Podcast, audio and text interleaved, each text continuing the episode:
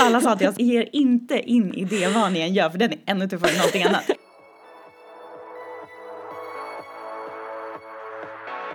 Varmt välkomna till Drivhuspodden. En podd med syfte att synliggöra och lyfta entreprenörer med Uppsala-anknytning som förebilder och att sprida kunskap.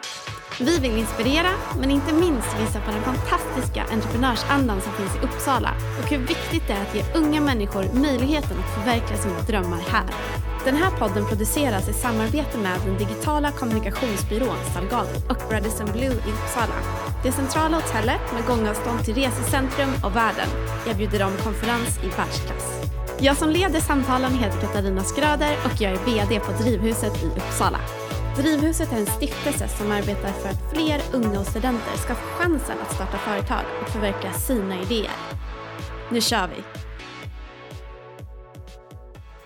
Hon är hållbarhetsentreprenören som revolutionerade den svenska glassindustrin då hon tillsammans med sin medgrundare introducerade Jollybox frozen yoghurt till svenska folket.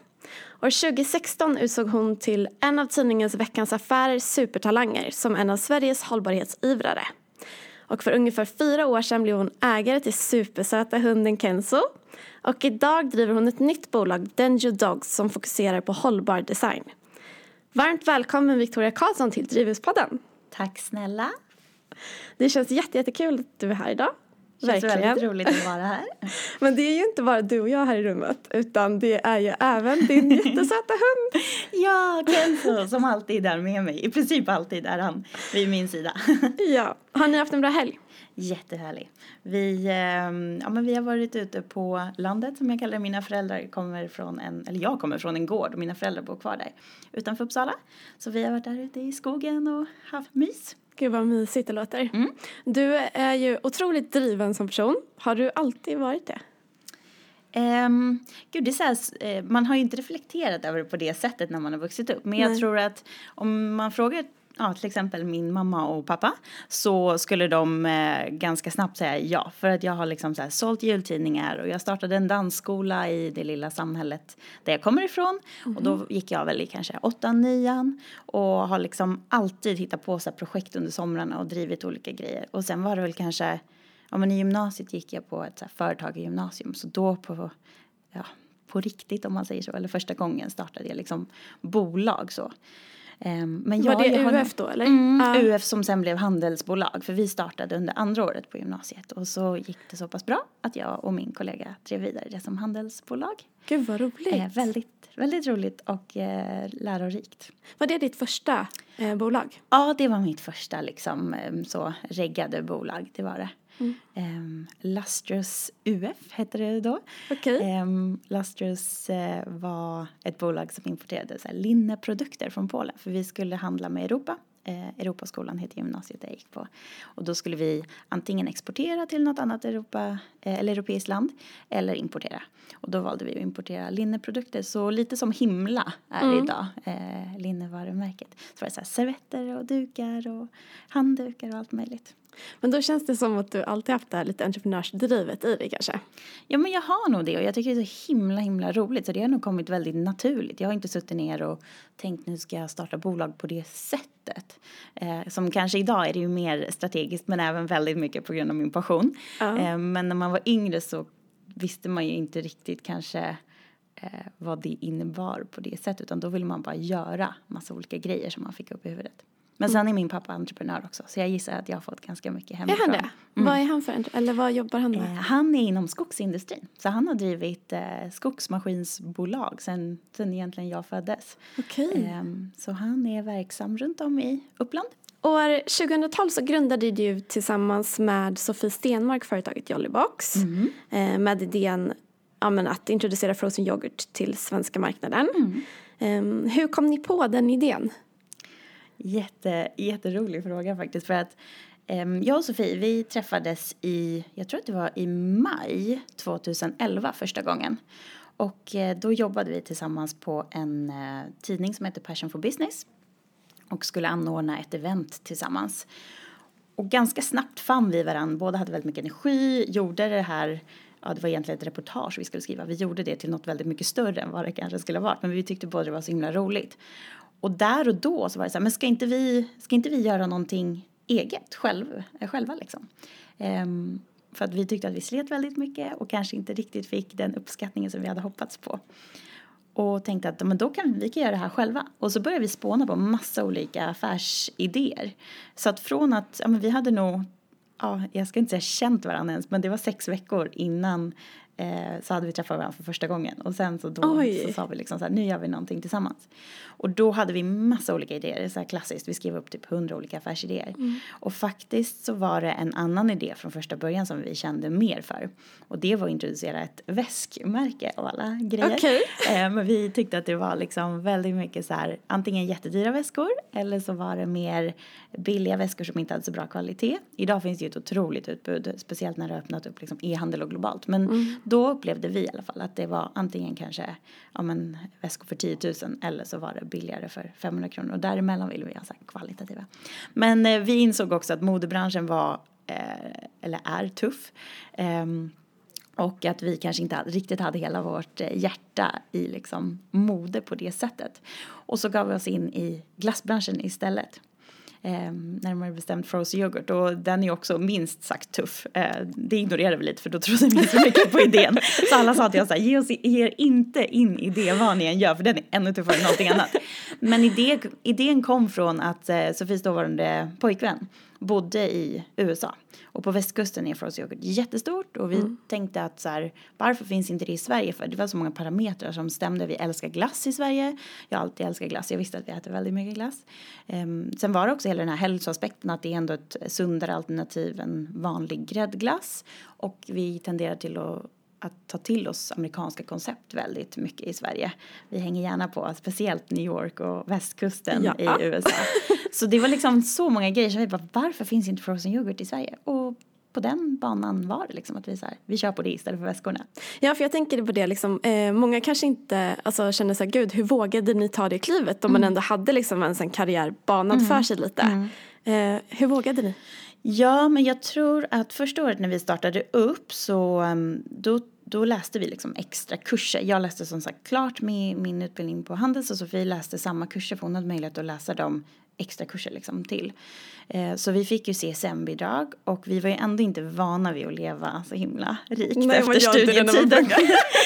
så, så det var liksom, eh, där så kände vi ändå inte att det var så stor uppoffring. Men sen gjorde vi väldigt mycket så här, vi fick jobba extra och det var jättehårt slit. Vi, vi, och bo i Stockholm är inte heller liksom billigt så det är inte den bästa mm. staden att och kanske starta upp i så om man tänker.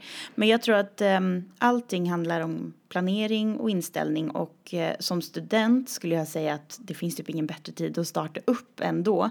För då är du som sagt inte van vid att ha så himla mycket pengar.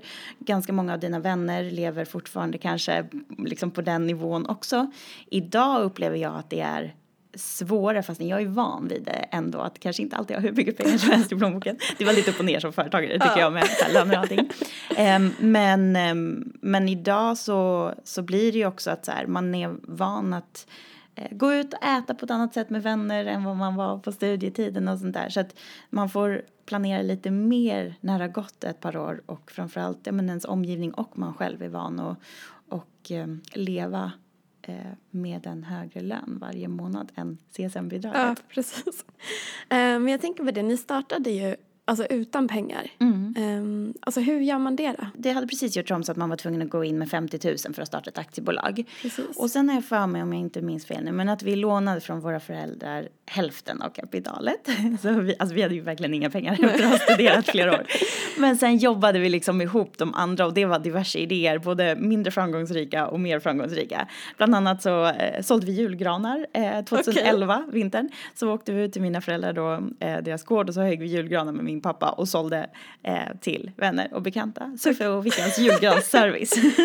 så där fick vi in några tusenlappar men de, ja, det var ju inte särskilt mycket som blev kvar om man ska vara helt ärlig efter så här, vi hade hemleverans. Så bensinen gick ju på en del och, och så. Och mm. sen mm. fick vi vara väldigt smarta i allt så här, vad man åt. Vi bodde tillsammans, vi hade så låg hyra som möjligt. Ni bodde ihop ja. också, okej. Okay. Vi, um. Vi umgicks 24 timmar om dygnet verkligen.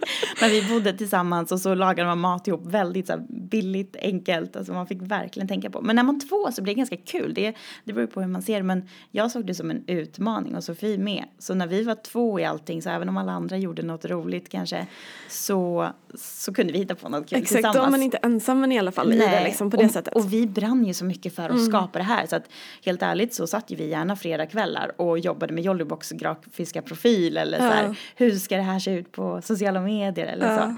Det tyckte vi var roligare där och då än att faktiskt så här, gå ut ja, och dansa eller äta middag ute.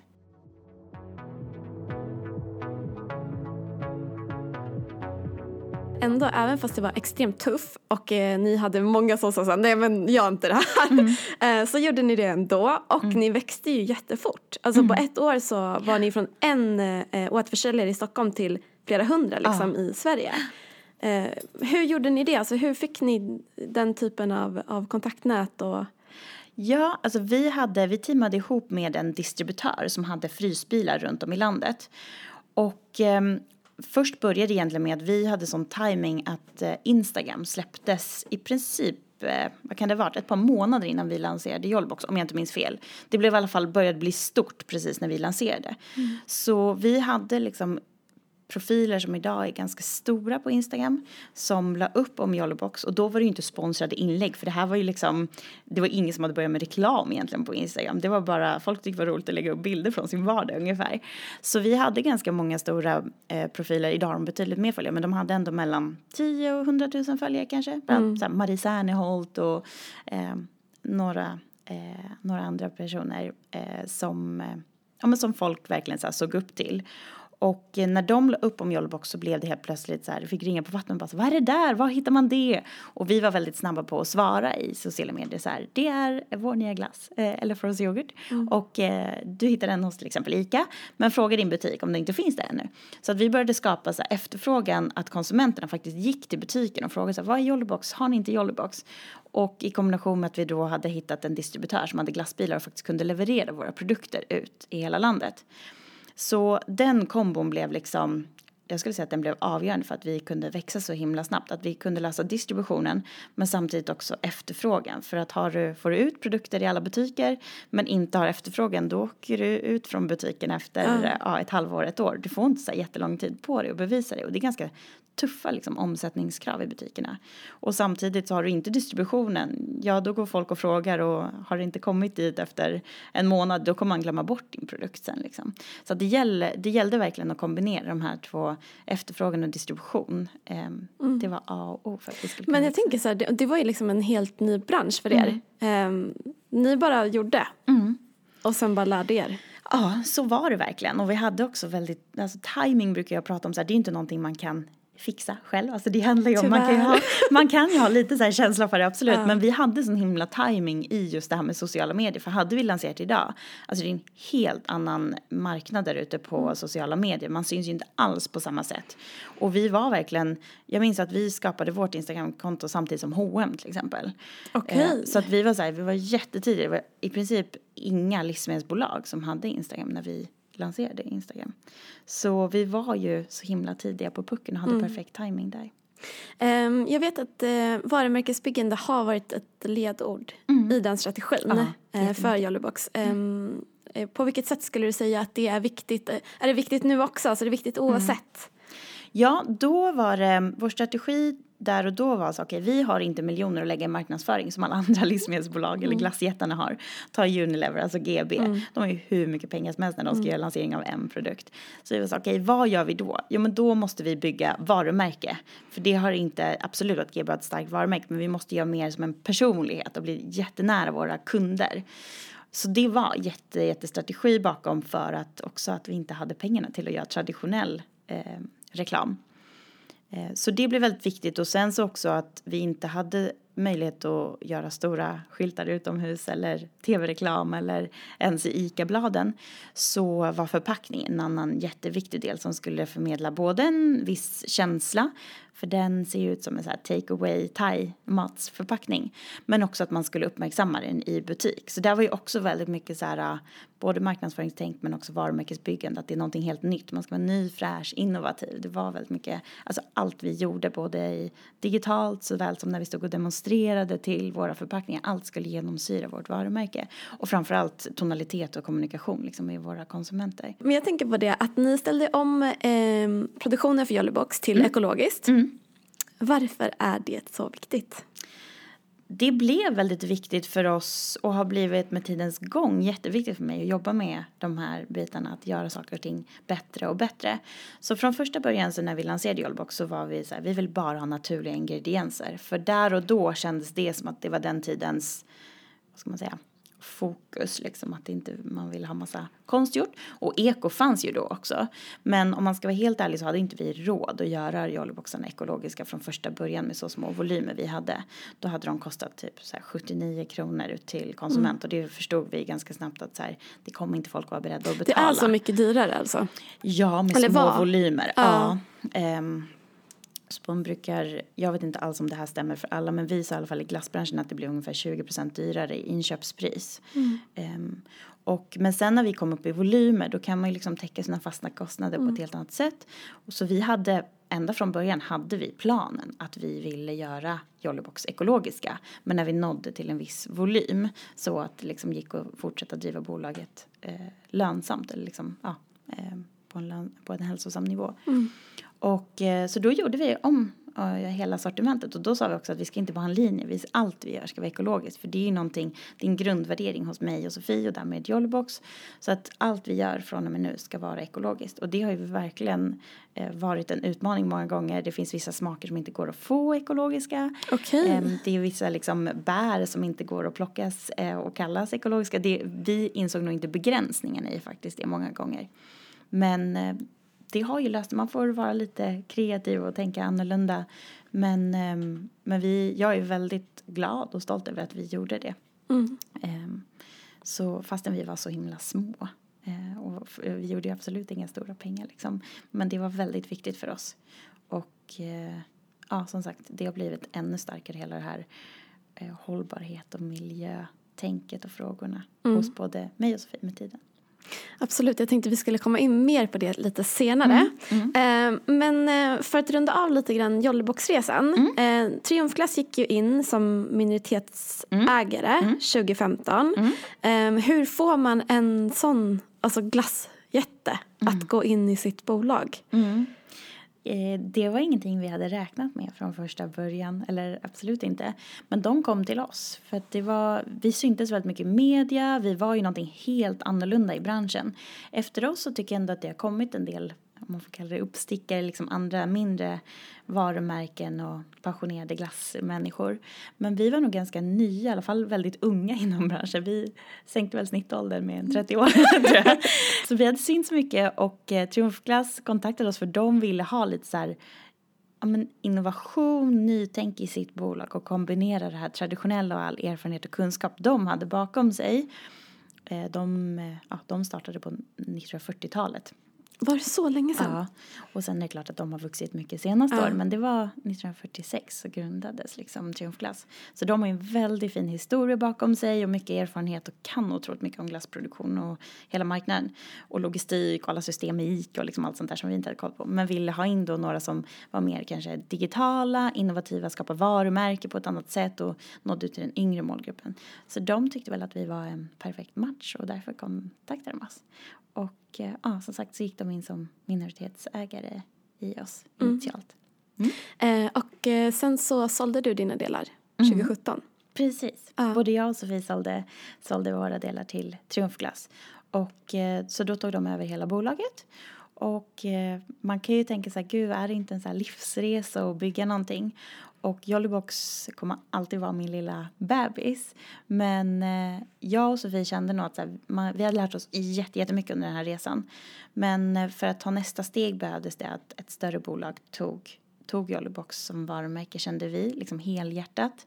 För att komma upp i volymer och bli större så krävs det väldiga så här, muskler både monetärt eh, och så logistiskt bakom.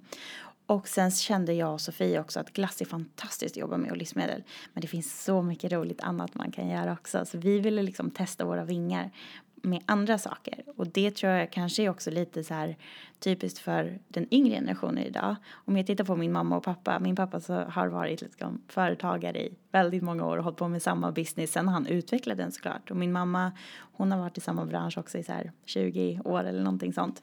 Medan vi vi vill ju upptäcka nya saker, testa nya grejer. Så även om jag är entreprenör på nytt så ger jag mig in i en helt annan bransch där jag absolut har användning av vissa saker. Men nu ger jag mig in i e-handel och hela den sfären som är helt nytt och, och får lära sig nya grejer. Så jag tror både jag och Sofie kände så här, vi kan inte allt men vi har lärt oss väldigt mycket inom den här branschen och nu vill vi testa på någonting helt annat. Så det kom väldigt lägligt att liksom mm. vi lämnade ifrån oss Jollybox och så fick vi ja, påbörja en ny resa. Men är du väldigt modig som person? Jag upplever dig som det. Vet inte, alltså jag själv skulle kanske inte beskriva mig som modig men jag är nog, jag är väldigt orädd. Alltså jag mm. tänker att allting alltid löser sig. Mm. Eh, så så sa vi när vi startade Jollybox också så här. Går inte det här, ja men då får jag väl så här, jag kanske sätter mig på ICA ett tag då och jobbar ihop de här pengarna jag lånat av mina föräldrar eller så här. Jag tänker att allting alltid löser sig så mm. länge det är, man har liksom hälsan i behåll. Mm. Den är kanske svårare att påverka. Men ehm, ja, ja, jag är nog en orädd person så. Mm. Um, så det bolaget som du driver nu heter mm. ju Denjo Dogs. Ja. Eh, och det är en e-handelssida mm. eh, som grundades 2017, mm, förra året. Kan du inte berätta, vad är visionen med Denjo Dogs? Ja, eh, visionen är att bli världens mest omtyckta och hållbara hundvarumärke.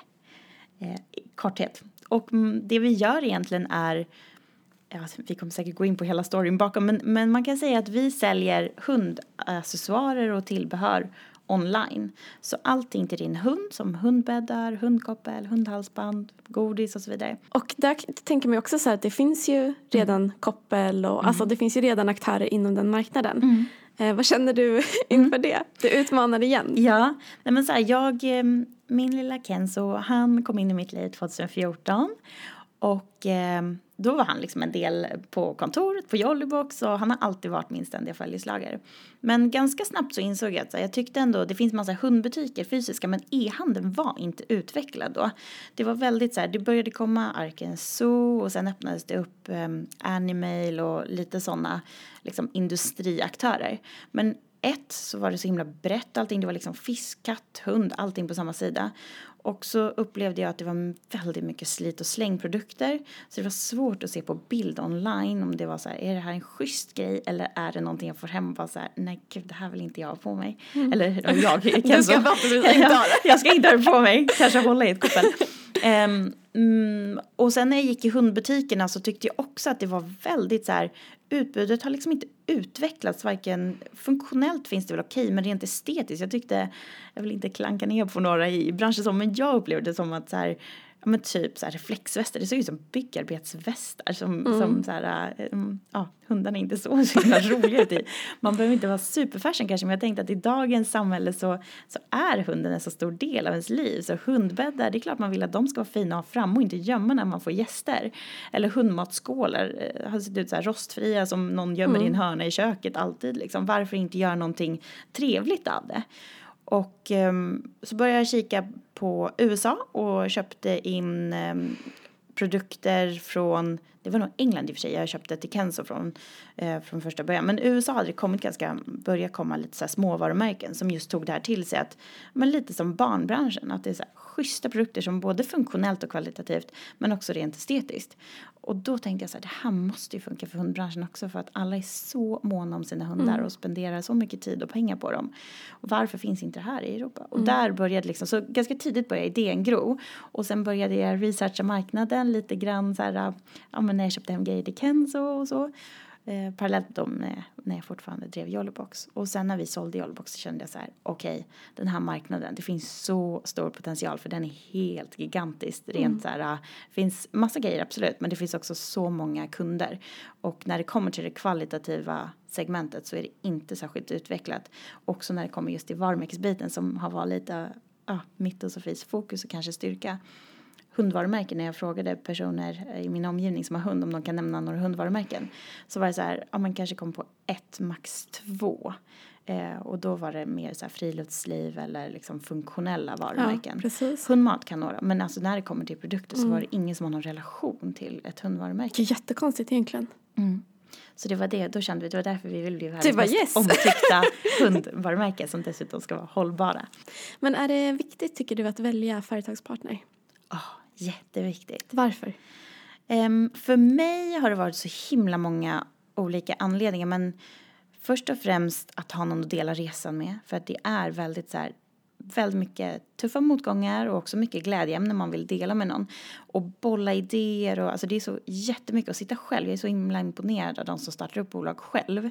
För att det är inte något som jag varken skulle vilja eller tror att jag skulle klara särskilt bra. För man behöver ha flera infallsvinklar. Och eh, framförallt som sagt, jag älskar att få dela både framgång och motgång med någon annan. För att när man har det tufft så kan den andra ha en lite bättre dag än en själv kanske eller vice versa. Så var det i alla fall med mig och Sofie. Och eh, sen en annan viktig del är ju såklart att så här, det jag inte kan, hur ska jag få den kunskapen eh, internt i bolaget. Och för den ju då så var det verkligen så här, okej okay, men jag vill bygga ett varumärke. Om inte jag har någon som kan grafisk design eller kan hjälpa att designa produkter och hela profilen och så vidare då kommer inte det här kunna bli det jag vill. Så på ett eller annat sätt måste jag få in någon sån person. Så det blev ju verkligen så här, både ha någon att dela resa med och också någon som kan komplettera en. Och sen är givetvis så här, när man tar in någon, det är en väldig lärdom från jollybox-tiden så ska man jag tycker att man väldigt tidigt ska se över så här, har man samma värderingar, funkar man bra personligen?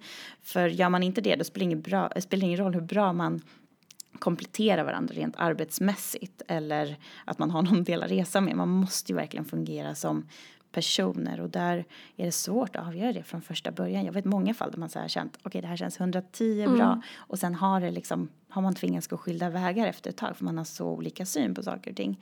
Och eh, nu hade jag, jag vet inte om jag ska säga tur eller att liksom jag på något sätt hade bra magkänsla, jag gjorde bra research. Men med Sofie så har vi blivit liksom som systrar och är så nära vänner. Det blev verkligen så himla tydligt. Vi var så himla öppna i början, väldigt tydliga med vad vi kände, tyckte och var så här super, ja men superöppna för att lära känna varandra.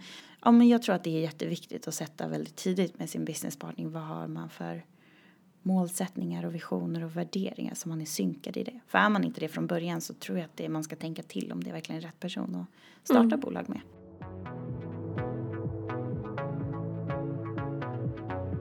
Um, jag tänkte på det just så med läder, för det är ju mycket läderprodukter ja. när det kommer till, till hundar. Mm. Um, och läderbranschen i sig är ju en speciell oh. bransch att gå in oh. i och förstå hur många olika liksom, djur som krävs för ett visst typ av läder, oh. hur det produceras, vad för kvaliteter det finns.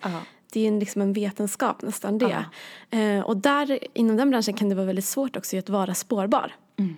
Uh, hur, hur hanterar man den utmaningen? För det är ju en utmaning inom den branschen. Det är en jätteutmaning och där, därför har vi valt att liksom inte ta in läder till exempel från utanför Europa. Ehm, för att det gör det väldigt svårt för oss att kunna spåra. Och med våra egna kollektioner så kommer vi bara ha läder från Tärnsjö som inte ligger så långt ifrån Uppsala. Just det, precis. Eh, mm, och där, kan, där har de faktiskt, eh, de är otroligt duktiga och ligger i framkant. Jag tror att de är kanske de enda i världen eller om de är två eller tre som har ekolo ekologiskt läder som är liksom certifierade för det.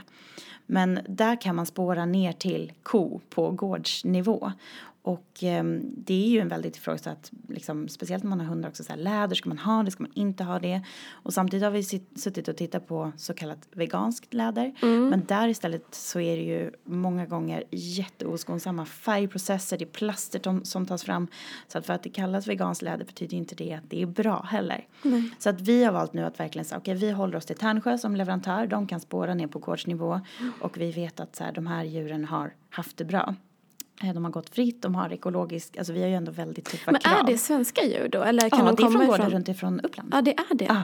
Så Gud, det är bara, närproducerat? Ja, det är bara närproducerat. Och vi kommer tillverka dem också i Sverige, våra koppel och halsband faktiskt. Så ja, det kommer liksom bli svensk Vad häftigt. Men blir det, eh, blir inte då produktionsprocessen dyrare?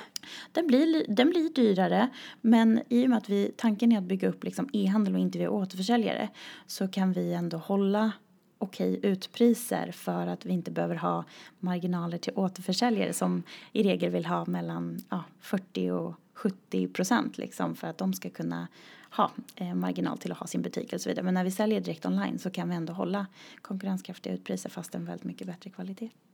Eller um, många spårbart också. Hur, um, för jag tänker så här e-handelssidor, mm. uh, hela den liksom branschen. Hur um, tror du man sticker ut där och vad, liksom, vad mm. kan man tänka på? Det är så bra frågor. Det är det vi håller på att bygga upp nu verkligen. Vi vill ju skapa den här Eh, vad ska man säga, familjära känslan liksom via sidan. Att direkt när du kommer in så ska du bara känna igen dig med din egen hund. Att det ska liksom utstråla typ kärlek när du kommer in på den hemsidan. Utan att det blir för mycket rosa hjärtan och sånt, det ska det inte vara. Men det här, äh, man ska känna igen sig och det ska känna, kännas varmt och genuint. Och kundservice är någonting vi jobbar jättemycket på. Verkligen vara så genuina idéer och um, Ja, men vi frågar till exempel om din hunds namn när du checkar ut i kassan. Så vi skriver alltid hundens namn på paketen när vi skickar dem till eh, alla våra kunder. Ehm, så vi jobbar väldigt mycket för att skapa personlig, eh, personlig kommunikation och kontakt och få, ja, men få varje kund som kommer in på hemsidan och känna att det känns tryggt och kärleksfullt och väldigt eh, eh, inspirerande också.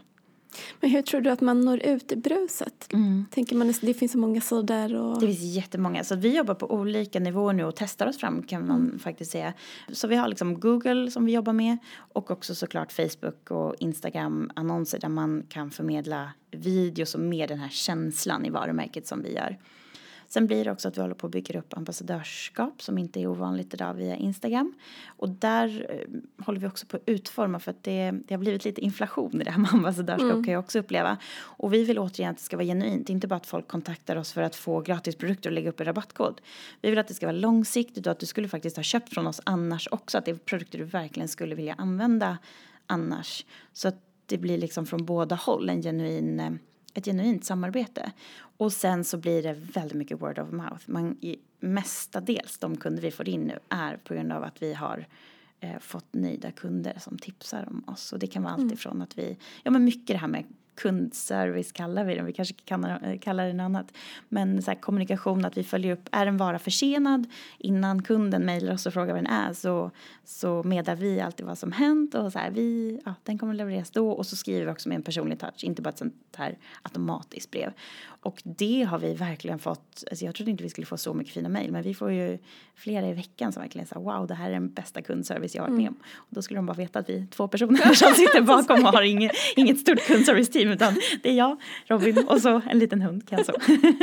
men eh, så det är liksom fler, man får testa sig fram och det är, det är ingen lätt eh, utmaning att nå fram i dagens brus och man måste verkligen ha klart för sig vad är ens fördelar? Är det priset så att du ska vara på price run och alltid få komma upp högst upp där när du har billigast produkter? Det är ju inte vi liksom. Men eller är det att du ska få word of mouth för att du är helt makalöst bra när det kommer till kundservice och eh, produktmässigt, alltså kvaliteten är fantastisk. Och sen ska man inte sticka under stol med att vi har ju vandrande varumärkespelare. Alltså hundarna är ju ute på stan hela yeah. tiden. Och jag får så mycket frågor om min seletikens och mitt koppelikens och hela tiden. Mm. Så att eh, vi har ju på så sätt har vi väldigt fördelaktigt att så, folk ser ju hundar hela tiden och man pratar väldigt mycket med andra hundägare. Så att vi har ju en bransch som är ganska tacksam ändå för att man pra vill prata väldigt mycket om hundar, man vill rekommendera till varandra bra saker. Så, så vi jobbar väldigt mycket med det. Mm. Jag tänkte vi skulle prata lite hållbarhet. Ja. Um, som jag sa tidigare så blev du ju en av Veckans Affärer supertalanger. Mm. Uh, och då gick det ju under en av Sveriges hållbarhetsivrare. Mm. Vad innebär hållbarhet? Vad är det för dig? Mm. Hållbarhet är ett väldigt brett begrepp mm. för mig. Ofta kommer man in på miljö och det är givetvis inkluderat i så här, hur skapar vi en planet och med dess natur och människor som är långsiktigt hållbart så vi kan leva i ett, så här, ett samhälle där eh, den biologiska mångfalden får verka och vi människor mår bra och så vidare. Så att ehm, miljö är en del, men också det här med social hållbarhet är jätteviktigt. Hur människor faktiskt lever och verkar tillsammans och mår, ska må bra.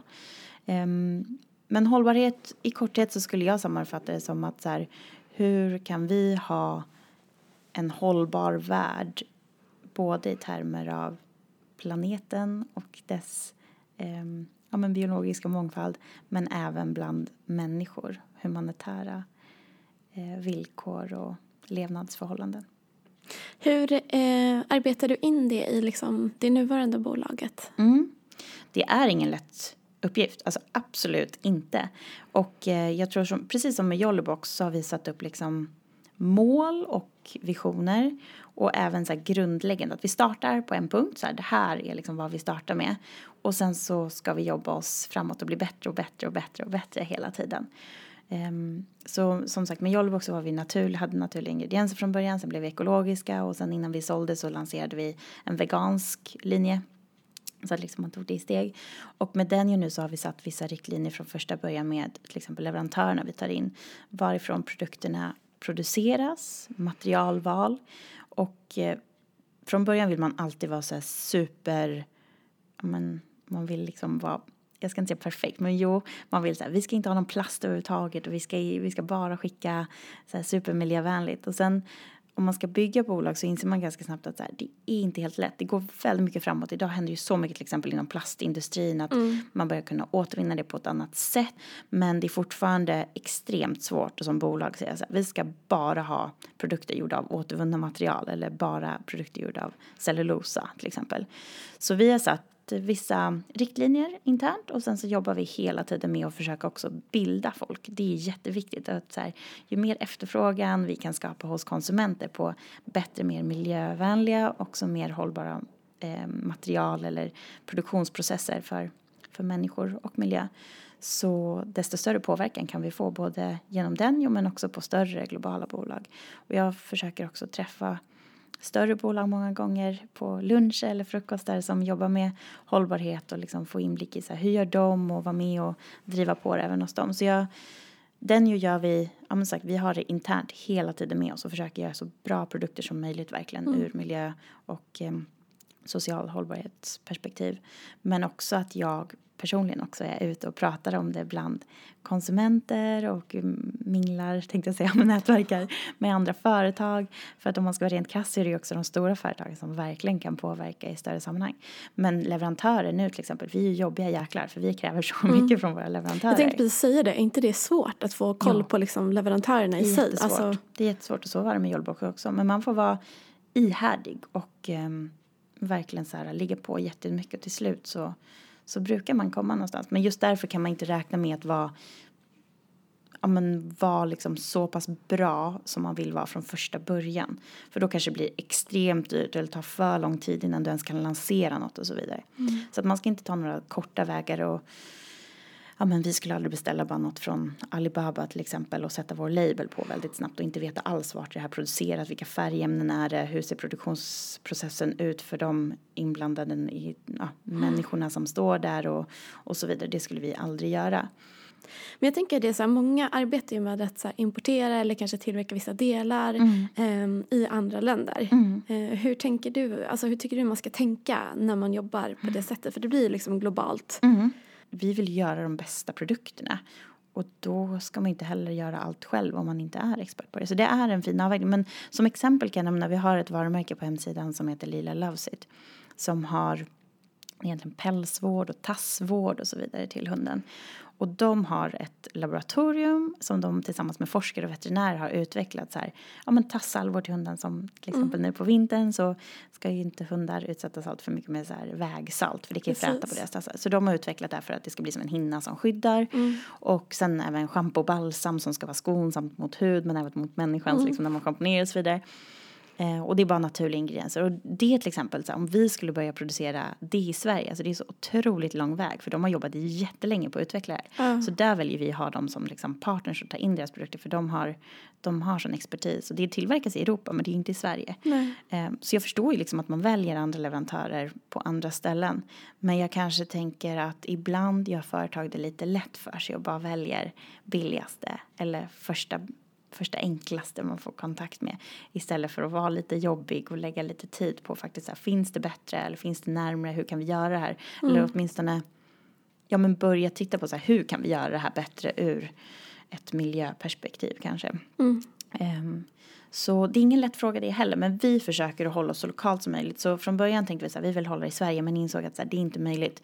Så nu har vi sagt att så här, produktionen av våra produkter ska vara Europa.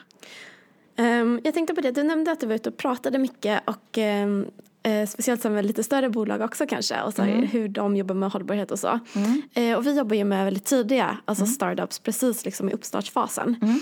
Eh, där kommer ju hållbarhet oftast som en naturlig del av mm. affärsmodellen. Mm. Den är inbyggd och det är ingenting kanske som eh, man alltid reflekterar över utan det kommer liksom med den yngre generationen att man har med sig det tänket. Ja. Eh, men hur får man då de här större eh, bolagen att eh, inte bara ha det som en fin grej på hemsidan utan faktiskt incorporate it alltså i själva businessen? Mm. Ja, det är så fantastiskt att du säger också att alla yngre faktiskt ha det som en så här hygienfaktor nästan, att man ska ha med det som, som tanke från första början på ett eller annat sätt. Hela affärsidén kanske inte behöver bara, bara vara byggd på det, men, men att det verkligen är naturligt att man tänker på det.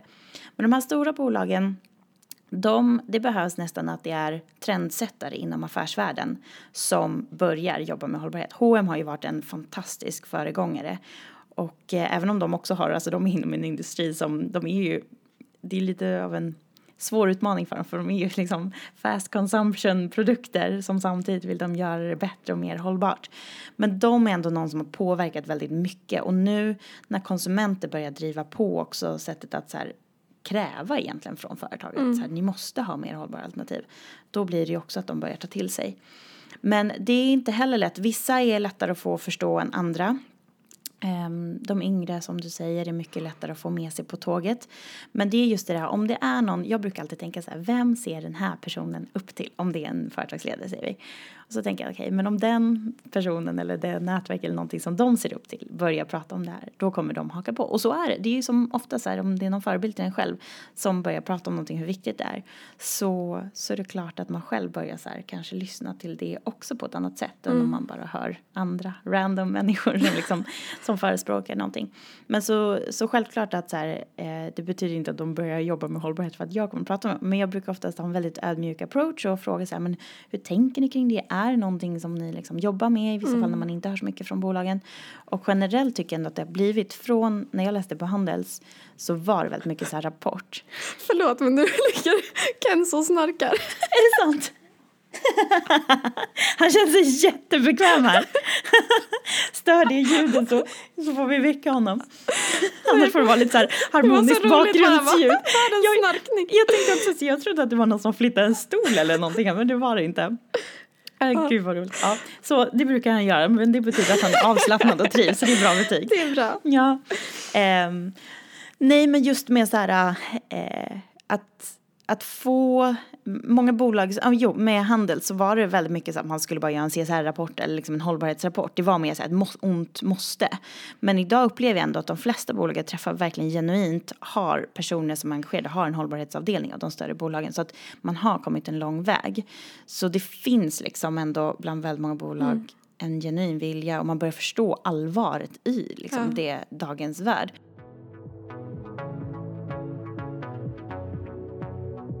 På tal om det här eh, med andra företag. Eh, du och jag pratade lite kort om det. Mm. Eh, vi såg att Veckans Affärer utser ju varje år årets superföretag. Mm. Och då finns det ju vissa krav på mm. tillväxt, vinst, avkastning, effektivitet, kapitalstruktur och finansiering. Men ingen hållbarhet. Nej. Och det kändes som att man gick tillbaka i tiden helt plötsligt. Hela det numret är så här hållbarhetsfokus. Chefredaktören skriver om hållbarhet och ja, men väldigt mycket står om hållbarhet och hur viktigt det är och det är ju toppen. Men så kommer de här sidorna till det här där det inte nämns i princip och just att de här kraven då som såklart visas, alltså det finns inte ens med som någon slags mjukt värde man tar i i hänsyn till, jag förstår att det inte är helt lätt att mäta på samma sätt som så här, åh det här var vinstmarginalen förra året. Men givet den värld vi lever i och så som alla bör utvecklas, alla bolag, så borde det verkligen finnas med som någon form av krav. Så därför tycker vi definitivt att Veckans Affärer borde lägga in ja, det som det, en punkt. det slår vi ett slag för. Eh, jag har eh, några andra frågor till dig också som -huh. vi har fått in från eh, de -huh. som skulle lyssna ja, på avsnittet. Eh, då tänkte jag eh, ställa den första frågan och det är hur ser du till att eh, få saker gjorda så jag precis sagt det, jag har så mycket gjort. Nej men jag, jag kör den här klassiska, alltså jag har verkligen så här lista så här, to do och så jag älskar att checka av på listan liksom så här, gjort, gjort, gjort. Alltså när veckan börjar, eller ibland gör jag till och med på söndag för jag tycker det är väldigt roligt. Men eh, så här, sätta liksom mål för veckan, så här, det här ska hinna med och så göra det ja, men gör som en to-do-list. Och det är ju ingenting nytt överhuvudtaget. Men det gör att jag får fokus och jag får verkligen saker och ting avklarat. För skulle jag gå till jobbet varje dag och bara så här, hmm, vänta, ska jag sätta mig med det här nu eller ska jag göra det här? Då skulle jag inte alls hinna med allting. Så för mig, så här, jag gör en to-do-list och ser till att verkligen fokusera. Och det här med mobiler är ju många gånger väldigt bra och vi jobbar ju med Instagram och så vidare. Mm. Men att hela tiden ha den vid sig eller ha meddelandefunktion på datorn när det poppar upp så här uh, notifications om du får sms eller uh, liksom bara om någon likar en post på Instagram. Det ska man försöka undvika för det stör ditt fokus och koncentration så otroligt mycket. Så en av mina vänner är hjärnforskare och hon berättade hur mycket det är, att det kan sänka produktiviteten med upp till 40 procent på en dag. Oj. Lägg ifrån dig mobil och sånt under ett tag och sen har du något alltså väldigt akut som väntar eller någonting, det är klart att du alltid ska vara nåbar mm. på något sätt. Men sitt inte och titta på mobilen hela tiden eller kolla din mail hela tiden utan verkligen så här, fokusera på det du gör för då får man väldigt mycket mer gjort. Mm. Bra tips, jag kände mig träffad. Nej, jag tror alla känner sig träffade, inklusive mig själv också. Jag glömmer ju också bort det här ibland. Speciellt som sagt, jag tycker det är så roligt också att skriva med våra konsumenter så när det kommenteras och skrivs ja. liksom direct messages på Instagram. Jag bara, åh gud vad roligt, nu måste jag svara den här. um, Nästa fråga är, vad är ambitionen och planen framöver för Danger Dogs? Hur stora vill ni bli? Ja, men vi vill bli världens mest omtyckta hundvarumärke. Eh, och det innebär ju så här, det innebär ju ändå att vi vill bli globala och stora. Sen har vi inte satt faktiskt några, några mål rent monetärt eller omsättningsmässigt. Men alltså ett par hundra miljoner vill vi absolut kunna omsätta. Du är verkligen en um, förebild och en inspiratör. Verkligen. Tack snälla. Mm. Tusen tack Victoria. Tack snälla. Tack för att du lyssnar på Drivhuspodden. Har du en idé? Kontakta oss på uppsala.drivhuset.se. Och du, glöm inte bort att följa Drivhuspodden på Facebook och Instagram. Vi finns där poddar finns.